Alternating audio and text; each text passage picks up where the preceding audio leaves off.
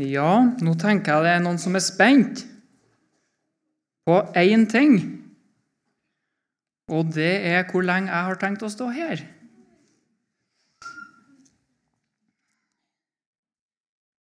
Det forstår jeg veldig godt. Eh, og så har jeg forstått at eh, det har ikke vært så mye eh, Om det har vært det i det hele tatt, så har det ikke vært så mye basarer her på huset. Så da er det jo kanskje ingen som vet hvor lang en basarandakt er. Og Da kan jeg avsløre det at det er de lengste andaktene. En basarandakt er lang.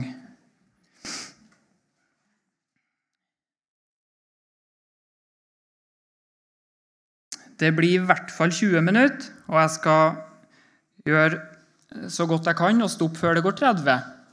Så vet dere det. Ja, vi skal be først.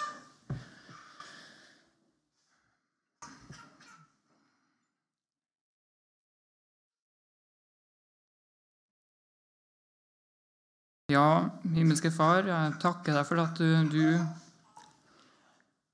har hørt det vi har bedt om allerede.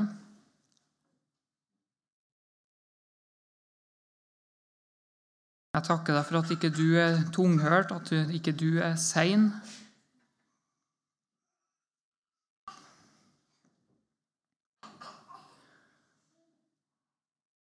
Og så er vi samla om ditt ord, om evangeliet.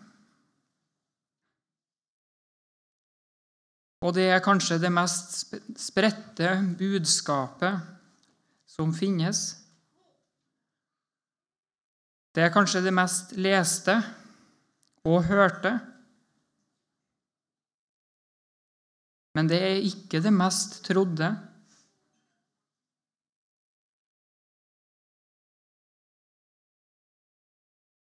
For det må åpenbares, og det vil vi be om.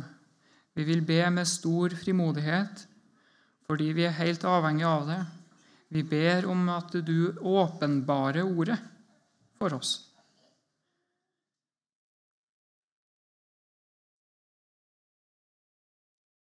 Og så ber vi om at du vil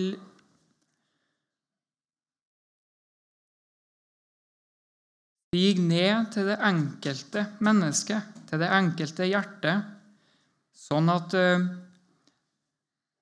sånn at vi liksom får kontakt med oss sjøl.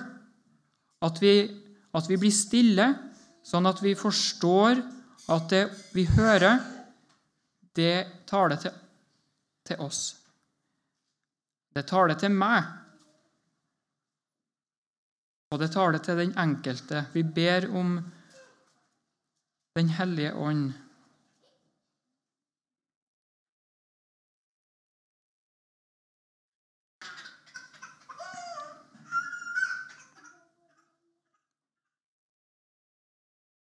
Så fortsetter vi å be at du velsigner kvelden som vi alt har bedt om. I Jesu navn.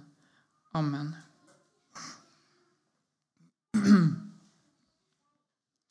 Ja, jeg må starte med å fortelle litt, jeg òg, fra noe som har opptatt meg de siste, den siste uka, eller de siste to ukene. Eh, jeg har hatt ei arbeidsuke i Rjukan. Og jeg må bare innrømme at det var en plass som gjorde et veldig inntrykk på meg. Mange av dere har sikkert eh, vært der og kjenner plassen, men det var helt nytt for meg å komme dit. Og det, var så, det, det, var så, det er så mange ting med den plassen som er spennende og flott og vakkert, med historie, ikke minst knytta til industri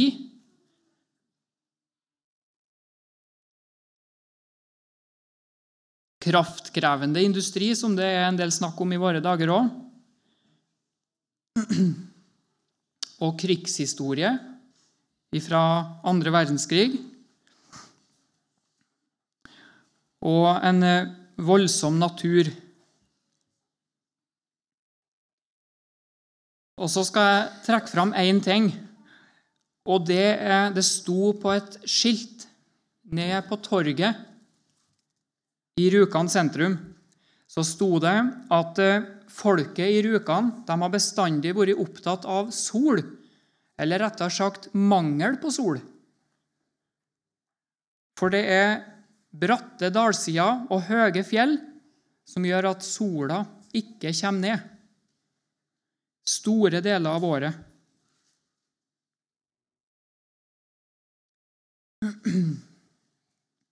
Og en gang imellom 1910 og 1920 Jeg husker ikke akkurat årstallet. 1910 og 1920, altså over 100 år siden, så var det en som fikk en idé om å bygge et speil oppå fjellet, sånn at sola kunne bli speila ned i dalen. Og det tok over 100 år, eller det tok ca. 100 år etter at den ideen kom, til den ble satt ut i livet. Så nå er det speil, solspeil, i Rjukan. Og det er tre speil på 17 kvadratmeter. Til sammen 51 kvadratmeter med speil som står opp i fjellet.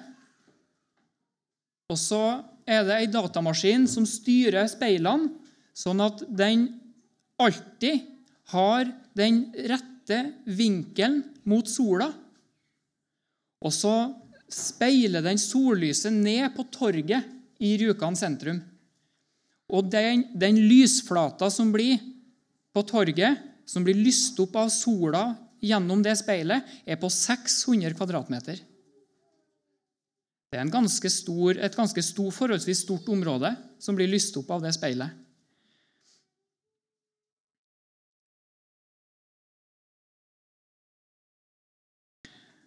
Og så har du kanskje skjønt litt allerede hvorfor jeg nevner akkurat det i starten på en andakt. Men skal få, det skal få, det skal få eh, henge i lufta, akkurat det, helt til slutten av andakten, så skal jeg ta opp det igjen. Det har litt med misjon å gjøre.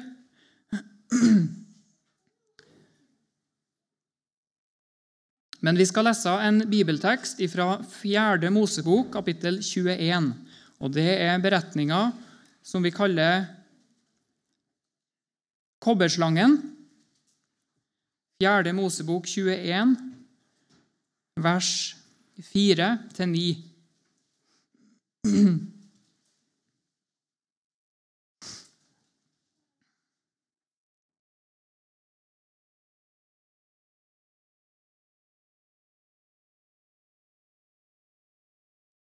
I Jesu navn. Så brøt de opp fra fjellet Hor og tok veien til Rødehavet for å dra omkring Edoms land. Men på veien ble folket utålmodig. De talte mot Gud og mot Moses og sa:" Hvorfor har dere ført oss opp fra Egypt, så vi må dø her i ørkenen? For her er verken brød eller vann, og vi er inderlig lei av denne usle maten. Da sendte Herren serafslanger inn blant folket. De bet folket, og mye folk av Israel døde. Så kom folket til Moses og sa:" Vi har syndet, fordi vi har talt mot Herren og mot deg. Be til Herren at Han vil ta slangene bort fra oss. Og Moses ba for folket. Da sa Herren til Moses, Lag deg en serafslange Sett den på en stang. Så skal hver den som er bitt og ser på den, få leve.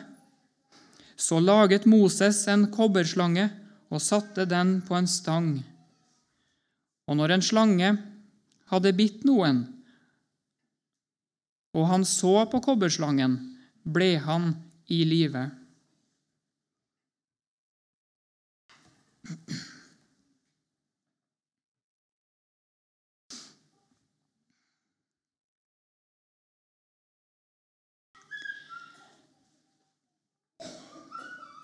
Ja, vi skal trekke ut noen momenter fra denne teksten og se på det.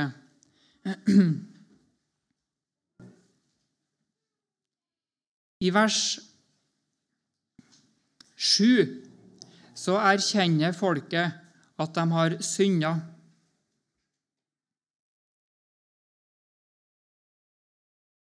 Og syndens navn, den finner vi i vers 4. Men på veien ble folket utålmodig.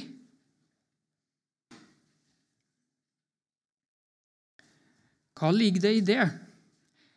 At eh, folket ble utålmodig? Er det en stor synd?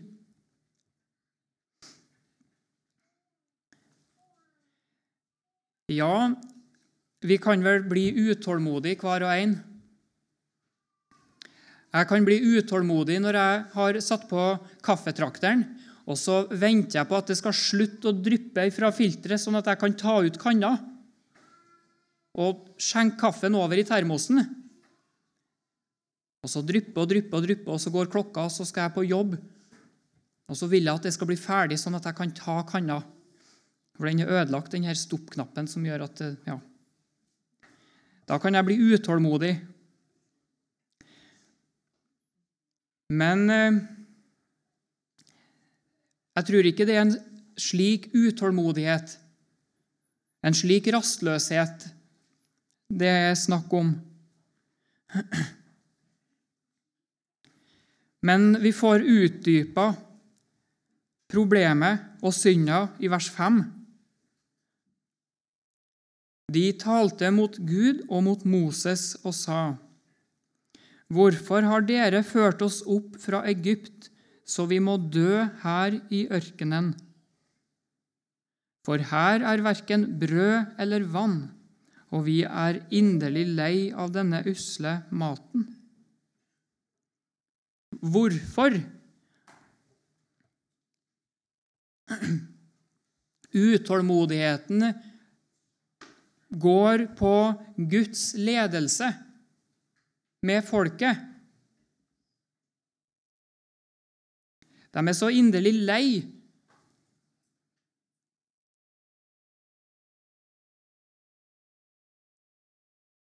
Og den utålmodigheten tror jeg vi er kjent med.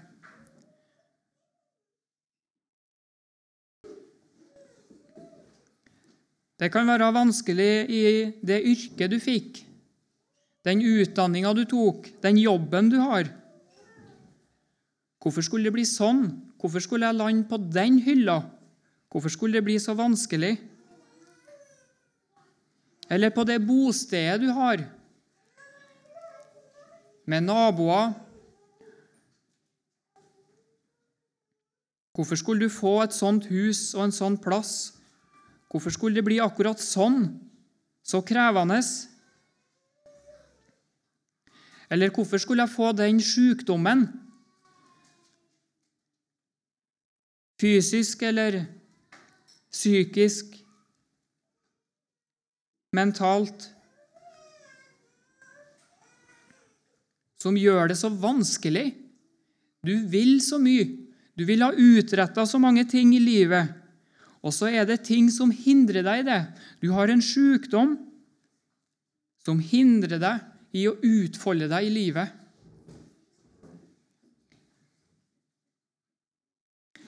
Eller det er familierelasjoner som er vanskelig.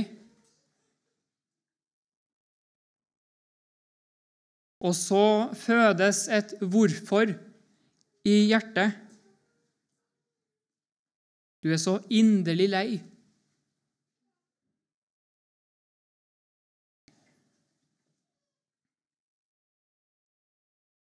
Og hvis det får slå litt rot den tanken, så fører det til bitterhet i hjertet. Hjertet hardnes, øynene formørkes, og du er bitter på Gud.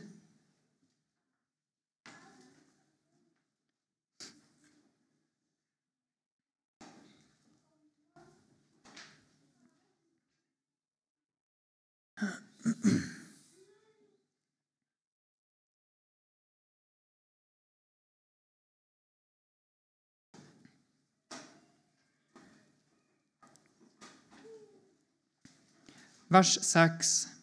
Da sendte Herren serafslanger inn blant folket, og mye folk av Israel døde. Det var svaret. Det var svaret på utålmodigheten, på bitterheten i hjertet. At du hadde så vanskelig og tøft i livet. Og så klager du til Gud. Og så sender han deg en ny vanskelighet, som er enda verre enn den første.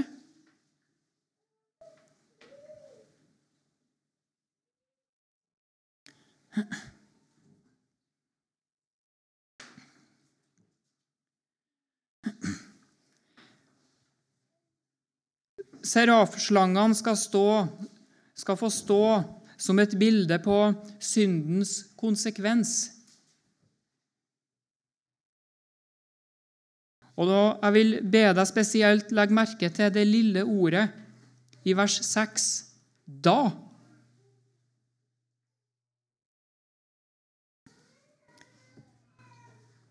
Synda får alltid en konsekvens i livet ditt. Alltid.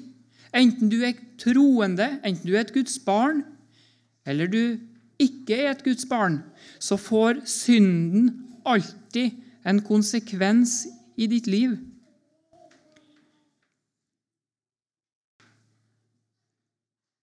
Og konsekvensen er da. Den er i og ved og gjennom synda. Den er så å si samtidig med synda.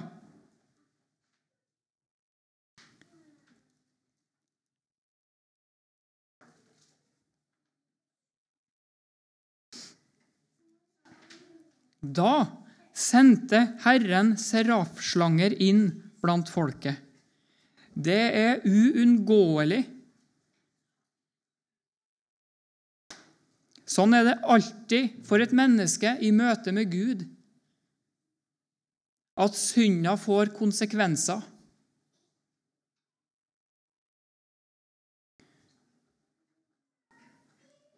Og jeg vil gjenta den får konsekvenser om du er et Guds barn eller ikke.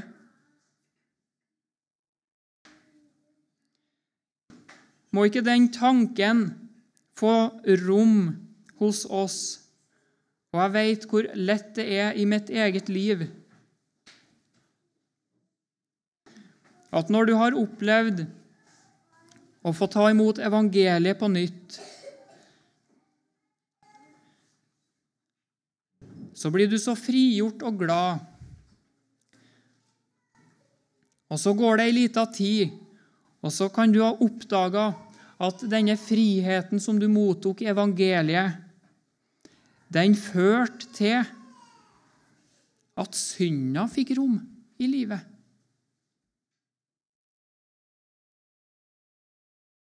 Altså at eh, friheten blir et påskudd for kjødet.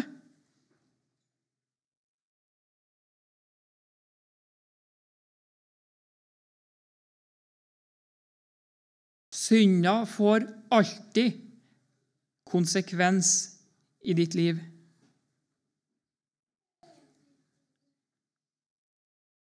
Det er ikke sånn at eh, om du synder, og så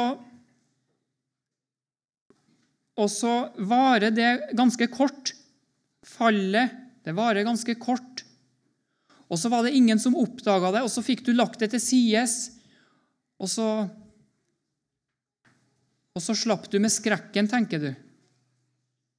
Synda fikk ikke så stor makt over deg. Du slapp konsekvensene. Og så var det jo ingen som la merke til det.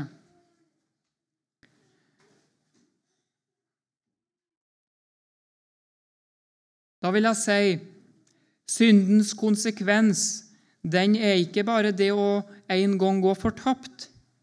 Men syndens konsekvens den er samtidig med synda.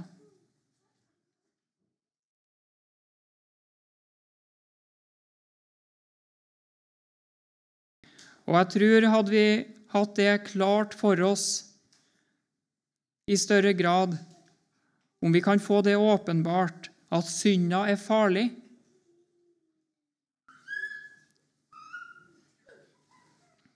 For et Guds barn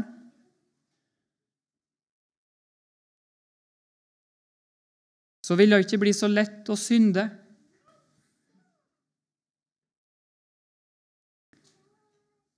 Da sendte Herren serafslanger inn blant folket. De bet folket, og mye folk av Israel døde. Ja, synda får alltid konsekvenser. Og blir ikke konsekvensen brutt, så vil den føre deg bort fra Jesus. Først i åndelig søvn og død, så evig død uten Jesus. Det er sånn.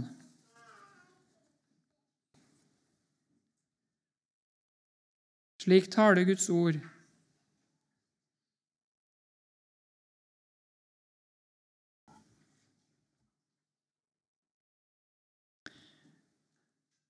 Du har hørt sangstrofen En tanke som i hjertet kom, og som man litt lot råde, har så titt gjort sjelen tom for Guds dyre nåde.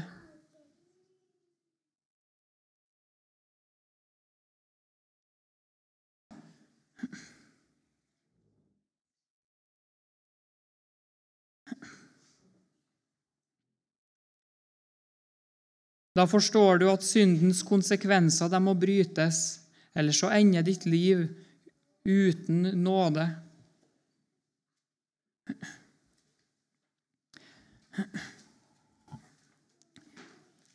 I vers 7 så står det at eh, folket erkjenner at de har synda.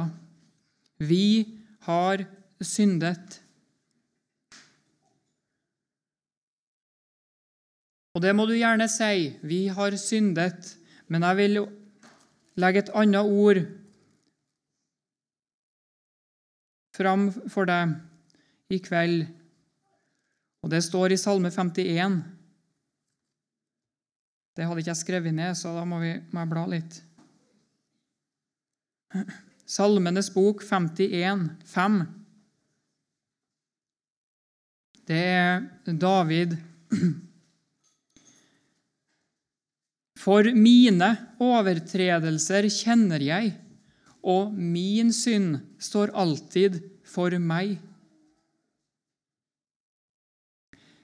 Dette 'vi har syndet' det må samtidig bli et 'jeg har syndet' i ditt liv. For mine overtredelser kjenner jeg, og min synd står alltid for meg.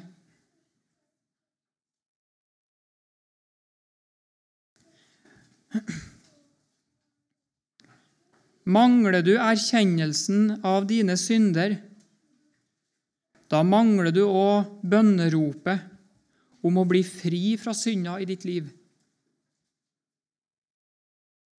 Og da kan du gjerne ende opp med den beste teologi og de fornuftigste meninger om kristen tro og liv. Men uten å ha fått åpenbart synden i livet ditt, og uten at det finnes et 'jeg har syndet', så lever du i et bedrag, og ditt kristenliv er hykleri.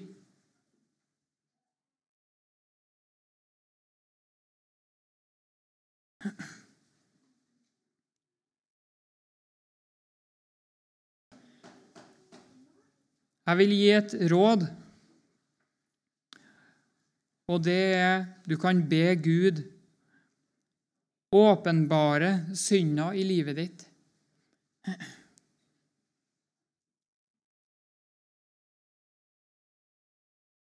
Det kan jo bli en nød, det òg, at, at, du ikke ser det. Du vet det, og så er det en nød for deg at det ikke er åpenbart for deg. Be Gud at Han vil åpenbare synda i ditt liv.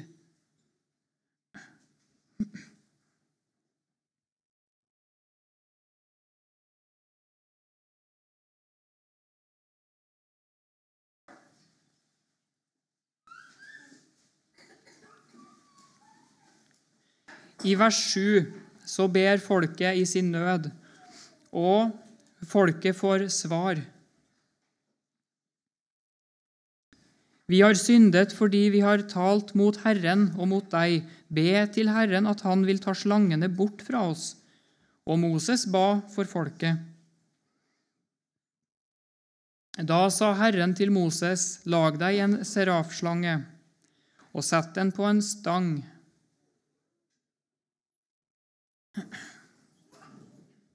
Svaret på bønna fra Moses er kobberslangen. Det er ikke en slange, men en kobberslange. Det ligner på en slange, men det er ikke en slange. Det er en kobberslange.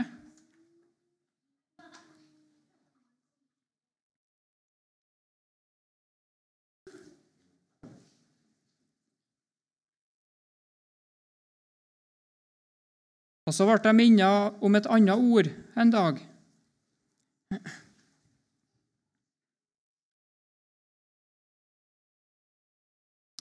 Han sitter her, han som eh, minner meg på det. Det står om Jesus fra Salme 22. Det er en eh, profeti om den lidende frelser, Salme 22. Og hør hva den lidende Messias ber på korset. Men jeg er en orm og ikke et menneske. Men jeg er en orm og ikke et menneske.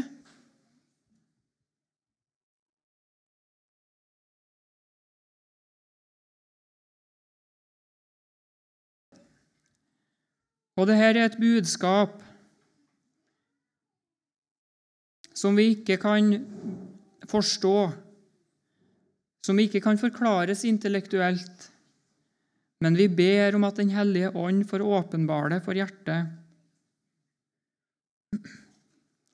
Her på korset så henger mennesket Jesus Kristus.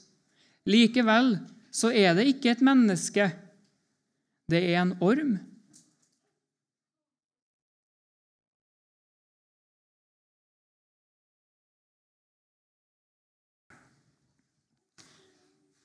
Ja, det er sterke ord, det.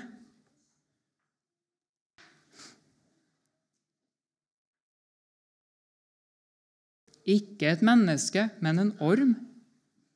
Men jeg er en orm og ikke et menneske. Er det bare, en, er det bare et uttrykk for at Jesus hadde stor pine og lidelse? Eller er det faktisk en realitet i det som står? At det er en orm. Andre Korinterne 5, 21.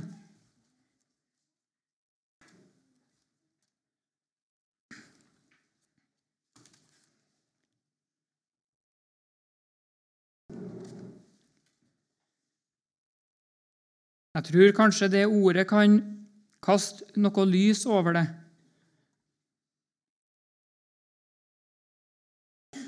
Ham som ikke visste av synd, har Gud gjort til synd. Ikke et menneske, men en orm. Han som ikke visste av synd, har Gud gjort til synd. Forstår du det? Ser du hva Ser du budskapet?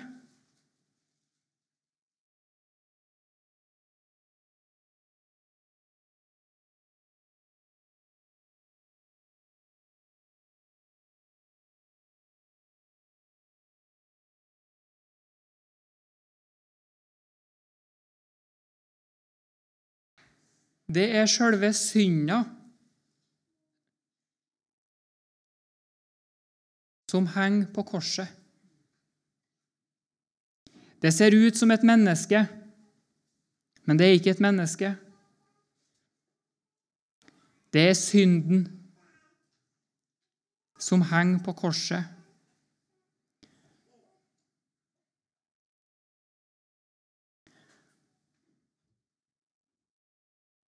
Må Den hellige ånd få kaste lys over det, for ditt hjerte og for mitt hjerte. For det er ikke forstandige ord, men det er evangeliet. Og så skal vi lære at all synd og alle syndens konsekvenser fra syndefallets dag til dommens dag, den siste, så er det ett verdenshistoriens midtpunkt og brennpunkt. Her brytes syndens makt og konsekvenser på korset, og ingen, ingen andre plasser.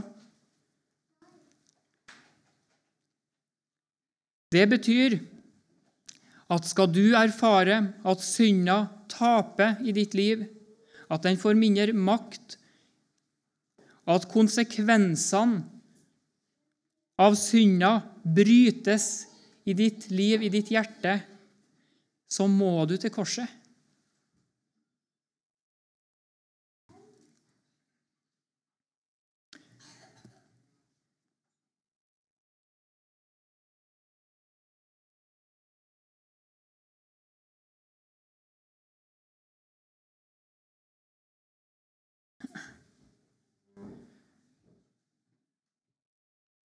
Da sa Herren til Moses, lag deg en serafslange og sett den på en stang, så skal hver den som er bitt og ser på den, få leve. Så laget Moses en kobberslange og satte den på en stang. Og når en slange hadde bitt noen, og han så på kobberslangen, ble han i live. Ble han i live? Dødsprosessen hadde starta. For det var et da. I og med synda så var konsekvensene umiddelbart i gang med å dra hjertet bort fra Jesus. Du har kanskje merka det, at når du akkurat har falt i synd, så tenker du at nå kan ikke du komme til Jesus. Nå må, lite, nå må det gå en time, eller det må gå et døgn eller to, sånn at du liksom får rista det litt av deg. Og så kan du komme til Jesus. Vet du hva du erfarer da? Da erfarer du syndens konsekvenser. De er der samtidig med synda, for de vil, den vil alltid lokke deg bort fra Jesus. Å nei, ikke hør på den stemmen. Om det føles, om det strider mot dine følelser, så gå til Jesus med en gang, hvor kleint det føles. Og så får du inn i det budskapet om at syndens konsekvenser er brutt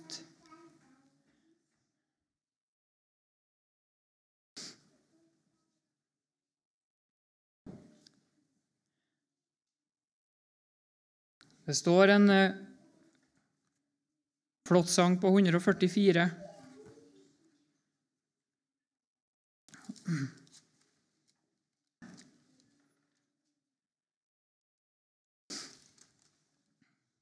Jeg sa at det i hvert fall gikk 20 minutter, men det var jo bare for å være litt snill og grei. Jeg visste jo på forhånd at det skulle gå en halvtime. Det er liv i å se på det Golgata kors. Ja, just nu er det liv og for deg. Å synder, så kom da til ham og bli frelst. Se på ham som tok straffen på seg. Se, se, se og lev. Det er liv i å se på det Golgata kors. Ja, just nu er det liv òg for deg. Hvorfor henger han der på forbannelsens tre? Jo, fordi dine synder er der. Hvorfor roper han så av sin Fader forlatt? Kun for deg, for din sjel, det jo er.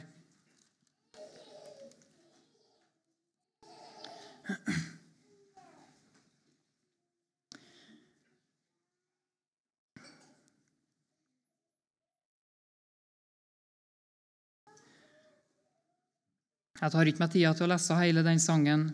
Jeg skal nevne tre ting, og det blir kort.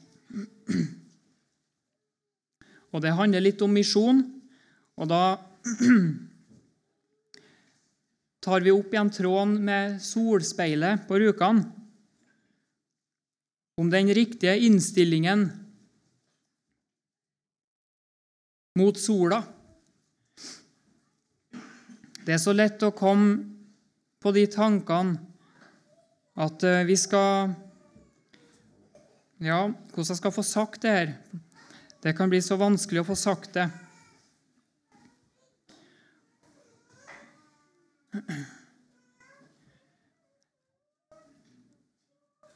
Men det avgjørende i misjon, det er at eh, ditt hjerte har en sånn innstilling til Jesus at lyset kan nå andre. Jeg tror dere forstår det bildet.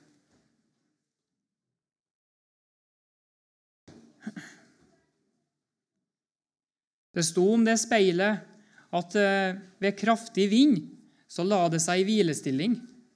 Og det var sånn bakover sånn. Så når det ble litt ufred og uro, så la det seg på rygg. Men det er ikke den riktige innstillinga. Og om det er overskya, så skal du allikevel få rette blikket på Jesus. Du vet hvor du finner han, du vet hvor han er. Om du ikke alltid ser han så klart, så hold fast på det. Det var det første. Og det andre det er et bibelvers jeg skal lese, og det er Johannes 4, 14.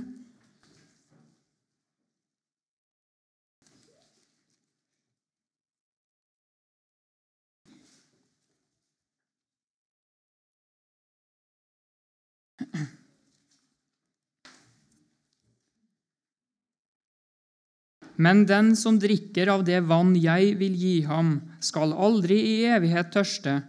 Men det vann jeg vil gi ham, blir i ham en kilde med vann som veller fram til evig liv. Det må aldri bli så mye aktivitet og ufred i ditt kristenliv og i ditt liv.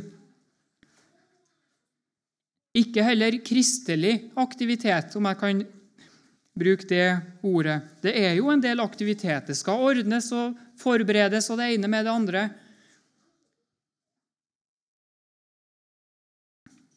Men pass på at, eh, at du alltid har det vann, at du drikker av den kilden.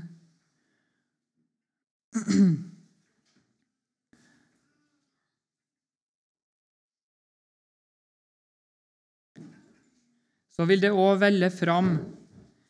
Det blir i deg en kilde med vann som veller fram til evig liv. Og det vil merkes, og det vil sette hjertet i brann. Og da vil du òg se muligheter til å gi videre det du har fått. Det var det andre. Og det tredje og siste, Matteus 28.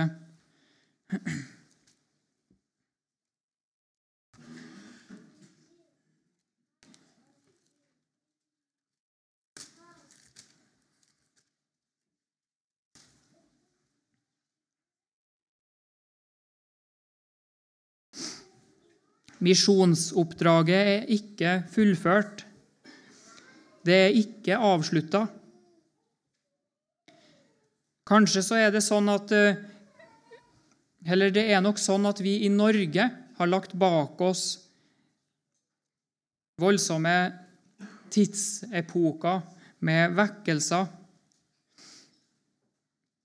Men misjonsoppdraget er ikke avslutta. Det er det Jesus, vår far, som har sagt at det skal, det skal gå sin gang inntil verdens ende. Vi kan lese de versene 18-20. Og Jesus trådte fram, talte til dem og sa:" Meg er gitt all makt i himmel og på jord. Gå derfor ut og gjør alle folkeslag til disipler, idet dere døper dem til Faderens og Sønnens og Den hellige ånds navn, og lærer dem å holde alt det har befalt dere. Og se, jeg er med dere alle dager inntil verdens ende. Det er det løftet vi har, og det misjonsoppdraget vi har, som ikke er avslutta. Og det er jo en besnærende tanke at vår tid er sånn og sånn. Nå gjelder det å samle trådene og konsentrere seg om seg og sine. Den store misjonstid er jo forbi. Nei, det er den ikke.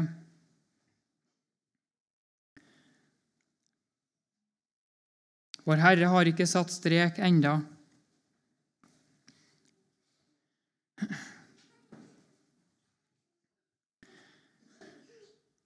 Skal vi avslutte der og be?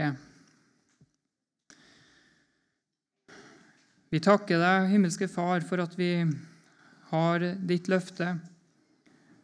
Takk for at du, har lova å være med hver dag.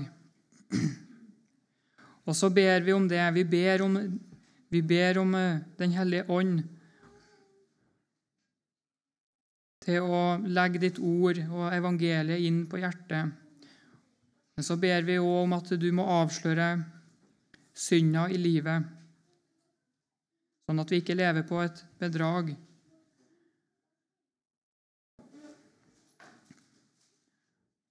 Må du se til den enkelte og velsigne ditt eget ord. I Jesu navn. Amen.